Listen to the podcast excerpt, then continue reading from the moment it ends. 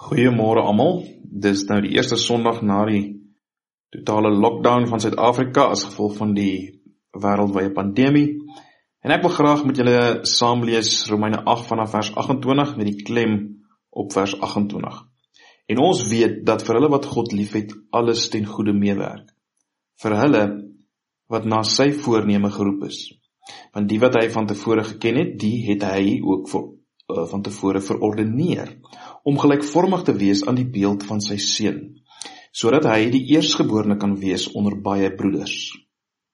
En die wat hy van tevore verordeneer het, die het hy ook geroep en die wat hy geroep het, die het hy ook geregverdig en die wat hy geregverdig het, die het hy ook verheerlik. Ek dink ons het almal al op een of ander stadium in ons lewens gehoor hoe Christene en laat ek sê nie Christene mekaar bemoedig in tye van swaar kry, ellende, pyn en siekte. En as daar nou een frase is wat weer en weer opduik, dan is dit hierdie ene. Ag man, moenie bekommerd wees nie, alles sal op die ou einde goed uitwerk. En die oomblik as mense dit gesê het, dan voel hulle soort van geestelik, want bewustelik of onbewustelik, het hulle tog in hulle agterkop hierdie baie bekende vers wat ons nou net gelees het, Romeine 8:28. So die vraag wat ek wil hê ons moet vanoggend beantwoord is dit. Het ons in hierdie vers net so 'n va algemene bemoediging, so medisyne wat uitgedeel kan word uh, en uitgedeel moet word in tye van moeilikheid en benoudheid aan een en elkeen? Of het ons hier iets totaal anders en verreweg meer diepgrondig en wonderlik? Wel kom ons kyk na hierdie verse. Die eerste ding wat jy sal oplet is dat ons hier 'n definitiewe beperking of spesifikasie het. Vir wie sal alles ten goeie meewerk? Vir elke persoon op straat? Vir elkeen wat die koronavirus opdoen? Nee, vir die wat hom liefhet en hulle alleen. In die Grieks staan die frase die wat hom lief, uh, liefhet voor in die sin om die klem daarop te laat val. En dit herinner ons natuurlik dadelik aan die waarheid wat ons oral in die Bybel kry, naamlik dat daar in die finale instansie net een werklike skeiding deur die mensdom loop. En almal is veraloggend of aan die een kant van hierdie lyn of aan die ander kant. Jy het of God lief of nie. En wat ook al waar mag wees van die tweede groep op hierdie oomblik, hoe voorspoedig en hoe gelukkig hulle ook al mag wees. Die skrikwekkende feit is dat hulle volgens Paulus onder die toorn van God is. Gaan kyk maar na Romeine 1 vanaf vers 18. Jy sien ons belewing van hulle situasie en hulle belewing daarvan mag lyk asof dit hierdie feit weerspreek. Maar hulle sal uiteindelik ontdek dat dit hulle posisie en toestand is. Of dit nou met hulle goed gaan en of dit met hulle sleg gaan op die oomblik. Dis die waarheid omtrent hulle alles is nie wel nie. Paulus wil egter juis vir die gemeente vir wie hy skryf bemoedig.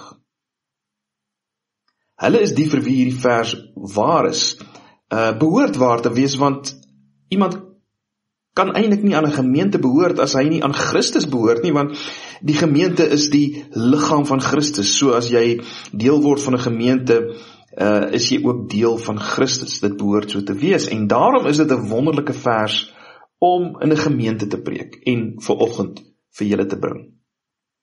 So kom ons beweeg na die frase alles werk ten goeie mee. Sommige Engelse vertalings vertaal dit met God works for the good. Nou in die finale instansie maak hierdie verskil in vertaling nie werklik verskil nie, uh omrede ons weet dat dit God is wat alle dinge ten goeie laat meewerk. Alle dinge werk nie op hulle eie nie. Daar's geen misterieuse onpersoonlike beginsel wat aan die werk is in die wêreld nie. Nee, dit is God wat oral aan die werk is. Die Bybel leer dat God nie net alle dinge gemaak het nie. Hy onderhou ook alle dinge. Die heelal werk nie outomaties nie. Die heelal is nie soos 'n horlosie uh, wat deur God opgewen is en ag, nou loop dit rustig af nie. Nee, dit is steeds onder die beheer van God deur Jesus Christus. In Kolossense 1 vers 17 en 18 lees ons dat alle dinge is deur hom dis Jesus geskape en vir hom of tot hom geskape en in hom hou alle dinge stand. Alle dinge van die kleinste atoom tot die grootste planeet. Nou as jy natuurlik glo dat alles op sy eie werk met, met net so 'n paar misterieuse uh, misterieuse beginsels wat daarin aanwesig is, dan sal jy natuurlik nie in staat wees om enige verskil tussen die goddelose en die Christen op te tel. Inderdaad, sal jy selfs tot die konklusie kan kom dat die goddelose die gunsteling is en dat alle dinge in die kosmos in hulle guns werk. En inderdaad, as die heelal outomaties gewerk het, uh wel dan was daar nie die geringste verskil tussen die Christen en die nie-Christen nie. Of tussen wat gebeur met die Christen en wat gebeur met die nie-Christen nie. Hulle sou absoluut gelyk wees. Maar dank God dat hierdie stelling wat ons gelees het, sy hele punt is juis om te beklemtoon dat hierdie uh of laat ek dit so stel dat daar 'n wonderlike verskil is tussen die wat God liefhet en die wat God nie liefhet. Luister weer. En vir hulle wat God liefhet, werk alles mee ten goeie. So God oorspeel alle dinge op so 'n wyse dat dit uiteindelik uitdraai tot die voordeel van sy mense. Dit is die basiese aanname. Maar kom ons beweeg nou nader aan die apostel se stelling om te sien wat dit presies beteken. Want dit is inderdaad uh, inderwaarheid een van die heerlikste dinge wat ons ooit omtrent onsself kan verneem. Miskien moet ek op hierdie punt vra weet jy vanoggend soos Paulus dat alle dinge ten goeie meewerk vir jou? Weet jy dat God alle dinge in die kosmos beweeg en deur kruis jou ten goeie? As jy dit weet en as jy dit vat, want baie van ons wil dit nie vat nie. Ons dink ons kan nie. Maar as jy dit vat, dan kan jy nie eintlik werklik depressief wees nie. Jy sien jy kan nie dit weet en terselfdertyd te neergedruk wees nie. Dit dit sluit mekaar eintlik wederzijds uit. So hierdie stelling is uiters prakties vanoggend. Dis nie dis nie dooie teologie nie. Kom ons fokus nou eers op hierdie alle dinge. Wat beteken dit? Wel ek dink nie daar is enige rede in die teks om dit nie letterlik as alles te neem nie. Met ander woorde ingeslote in hierdie alle dinge is goeie dinge en slegte dinge. Versoekings, beproewings, moeilikhede, siekte, vervolging, ongelukke, teleurstellings, die koronavirus, ja selfs mislukkings en sonde. God kan en laat inderdaad alle dinge uiteindelik vir ons ten goeie meewerk. Ook dit wat nou gebeur. Dis verseker 'n stelling wat jou denke laat duisel. Maar hier is dit. Dit is slegs vir Christene En dit is slegs in die geval van Christene waar ons kan aandui hoe dit presies werk. Miskien sê jy ja, Jakobus, ons het dit al gehoor. Dit klink wonderlik, maar hoe presies gebeur dit? Hoe hoe kan dit wees? Wel, kom ek probeer dit uh prakties demonstreer. Jy sien al hierdie dinge wat gebeur, al die versoeking, al die beproewing en dit wat nou gebeur met die koronavirus, stop ons en skud ons wakker. En dit is altyd goed vir ons. Jy sien die mees gevaarlikste uh, of gevaarlike posisie vir enige een van ons is die posisie waar alles lyk of dit baie goed gaan. Sonder baie verandering, sonder enige voorval. Dis selfs waar in 'n besigheid, is dit nie? Uh dit is die tyd waar jy slap en nalatig word en dinge kan vinnig verkeerd loop. En is dieselfde in die Christelike lewe. Wanneer die lewe net aantik, is dit oor die algemene uiters gevaarlike toestand vir die siel om in te wees. Dis presies die tyd wanneer ons vyand die duiwel die gaping vat. Ja, die ergste toestand om in te wees is die een waarin ons nie dink nie, maar bloot met die rotine van ons lewe aangaan, dag in en dag uit. Ons aanvaar alles net van selfsprekend. Dis gevaarlik. So die eerste effek of resultate van beproewing is dat dit ons wakker maak. Dit skok ons. Ons word gedwing om te dink. En dan is ons al reeds in 'n beter posisie as die een waarin ons begin het. Ons is nou gereed om aandag te gee, nie net aan die probleem nie, maar ook aan onsself en ons toestand. Die volgende ding wat hierdie beproewing doen, is om aan ons te wys hoe gering ons is. Dit openbaar ons geringheid, ons swakheid, ons broosheid. Ons is weer eens nie altyd bewus hiervan nie, want die duiwel moedig ons aan om in valse selfvertroue te lewe. Ek kan alles wat ek wil. Ek het alles. Ek meen, ek het niks nodig nie. Alhoewel ons weet dat ons deur genade gered word, begin ons weer dink dat ons self die Christelike lewe kan leef. En voor ons ons oë begin uitvee, begin ons 'n vleeslike selfvertroue te ontwikkel. Dit mag wees dat ons al baie teologie gelees het, baie boeke en dan begin ons dink dat ons is die gesaghebbenes oor wat God wil, wat sy weë is. Ek meen niks kan ons eenvoudig onkant vang nie. En dan word ons skielik op 'n of ander manier getref. Soos nou en ons vind onsself so hulpeloos soos babas en totaal nie in staat om te verstaan nie. Ons ontdek dat die Christen of die Christelike lewe baie groter is as wat ons ooit gereken het. En dit lei weer daartoe dat ons ons sondigheid en geneigtheid om verkeerd oor God te dink, ons begin dit weer raak sien. Ja, ons begin die waarheid omtrent onsself raak sien. Met ander woorde, die volgende ding wat beproewing doen is om ons nederig te maak. En daar is niks beter vir ons as dat ons nederig gemaak word nie. Nederigheid is die grootste beskerming in die geestelike lewe. John Bunyan het op 'n stadium gesê he that is down need fear no fall he that is low no pride. En dis natuurlik wat Paulus uitgevind het in 2 Korintiërs 12 uh as hy praat van sy doring in die vlees. As hy eintlik wys dat dit het vir hom gewys dat sy krag lê eintlik in swakheid. In hierdie toestand begin ons 'n groot klomp dinge sien wat ons geneig is om te vergeet. Ons sien ons behoefte aan vergifnis en uh ons behoefte daaraan om krag te kry en hulp te kry.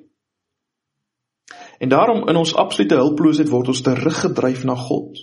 En enige iets wat ons terugdryf na God is goed vir ons. Dis ons ten goeie. En in hierdie posisie ontdek ons dinge omtrent God wat ons nooit voorheen besef het nie. Dis hoe ons groei in die genade en die kennis van God. En as ons sommige van hierdie dinge reeds geweet het, dan leer ons dit met nuwe diepte en betekenis en begrip ken. Dis die getuienis van baie gelowiges dwars deur die eeue. Die baba in Christus weet baie min omtrent God. Hy weet hy's vergewe, maar dis maar bloot die begin, is dit nie? Daar's dieptes en rykdomme waarvan hy niks weet nie. En dit is iets wat net deur beproewing werklik geken kan word. Die liefde en genade van God, sy goedhartigheid, sy teerheid, geduld, sy ontferming. Hoe min weet ons daarvan? proef ondervindelik. En tog is dit die groot kenmerke van ons God. Hoeveel weet ek jy van God se geduld, sy sorg vir ons? Dit is slegs in hierdie hierdie soort toestand dat ons werklik begin om iets te leer omtrent sy gereedheid om ons te vergewe, ons te herstel, ons te help, te lei. Ons kan die gelykenis van die verlore seun lees en op 'n baie teoretiese wyse aanvaar, maar het jy al God se handeling met jou so beleef? Terloops, die verlore seun se sonde het ten goeie meegewerk deurdat hy God nou leer ken het op 'n wyse waarop hy God nooit voorheen leer ken het nie. Is dit nie so nie? Ja, kom ons erken dit. Ons grootste probleem is onkunde omtrent God. Ons weet baie oor God, maar ons werklike probleem is onkunde omtrent God self. Wie hy werklik is en wie hy werklik vir sy mense is en daarom vir my as Christen is. So as gevolg van hierdie dinge wat ons nou genoem het kan ons sê dat vir hulle God uh, vir hulle wat God liefhet alles ten goeie meewerk. Maar daar's nog iets. Hierdie dinge wat met ons gebeur laat ons die aard van die lewe in hierdie wêreld besef. Ons besigheid, beroep, familie en bedrywighede is geneig om ons tyd en aandag totaal in beslag te neem, nie waar nie? En en die helfte van ons geestelike probleme ontstaan as gevolg van die feit dat ons verlore raak in hierdie dinge en geneig is om daarin net daarvoor te leef. En die punt is dit: dikwels kom staan hierdie dinge tussen ons en die kennis van God en die ewigheid. Dit beteken nie hierdie dinge is nie goed en reg in sigself nie en dit behoort deel te wees van ons aanbidding van God. Dit behoort ons te beweeg tot 'n groter kennis van God, maar dit wels gebeur dit nie. So ons wen dit nie so aan nie en dan kom staan hierdie dinge tussen ons en die kennis van God en die ewigheid. So wat doen beproewinge, die alle dinge waarvan ons nou praat? Die dinge wat nie altyd uitwerk soos ons dit wou gehad het nie. Wat doen dit in ons lewens? Wel dit leer ons dat ons nie vas moet wees aan hierdie dinge nie. Ons moenie daarin uh, opgaan in sigself nie. Dis wat dit vir ons wys. Nou die punt is as alles in jou lewe rimpeloos geskied en jy is gesond en sterk en welvarend, dan is dit baie moeilik om hierdie eh, regte verhouding uh, teenoor hierdie ander dinge te handhaaf. Maar as jy op jou rug lê in 'n siekbed, dan is dit nie so moeilik nie. Dan word jy herinner aan die feit dat jy net vir 'n rukkie hier is. Net vir 'n tydjie rentmeester van alles is. Jy's nie die eienaar nie. En die effek daarvan uh is dat jy meer dink aan die heerlikheid en wat moet kom. En is goed vir ons. Hoekom mediteer ons so min oor hierdie heerlikheid? Ons is te gepreokkupeer met hierdie lewe, met die met die sienlike. Die oomblik as siekte en teleurstelling van watter aard ons ook al tref, dan word ons herinner daaraan dat ons bloot pelgrims hier is. Dat ons op pad is na die stad met vaste fondamente. Daar wag die heerlikheid. En dit is goed vir ons. So kan jy sien hoe elke ding baie prakties ten goeie meewerk selfs terwyl ons hier is. Maar jy sien dis nie waar dit eindig nie. Al hierdie maniere waarop ons gekyk het werk uiteindelik mee om ons te verander na die beeld van sy seun. Dis in die verse wat ons gelees het. Dis die uiteindelike goed waarmee God besig is. Hy wil jou deur alle dinge verander om soos Jesus te word. Eerstens hier en nou op aarde, soos Jesus hier op aarde was, Die diepste was hy iemand wat op aarde niks sonder die Vader gedoen het nie, altyd die Vader wou behaag, altyd sy wil gedoen het. 'n Man van smarte, bekend met krankheid, maar iemand wat terselfdertyd 'n heerlikheid openbaar het te midde van hierdie dinge. 'n Man wat kon deurkyk na dit wat wag en daarom te midde van alle dinge, alle dinge wat teen hom was, verander kon leef, genesing kon bring, heling kon bring. En nou is hy volmaak in heerlikheid. God wil ons verander uh na hierdie beeld van sy seun. Dis waarna toe hy op pad is met ons. Dis waarmee God besig is in ons lewens. Dit is uiteindelik die ten goeie waarna alles beweeg. Ek hoop ons almal het vanoggend uh, vanoggend duidelikheid oor die feit dat ons nie sê dat al hierdie dinge wat gebeur uh en teen ons is in sigself goed is nie. Dit sal dwaasheid wees om dit te sê. Hierdie dinge is sleg. Baie van dit is van dit is selfs van die duiwel. Maar dit word uiteindelik deur God ingespan, oorheers deur kruis sodat dit meewerk om ons te verander na die beeld van die seun. Al die minusse word deur God deur kruis om plusse te word. Maar die plusse is nie altyd plusse soos ons daarna kyk nie.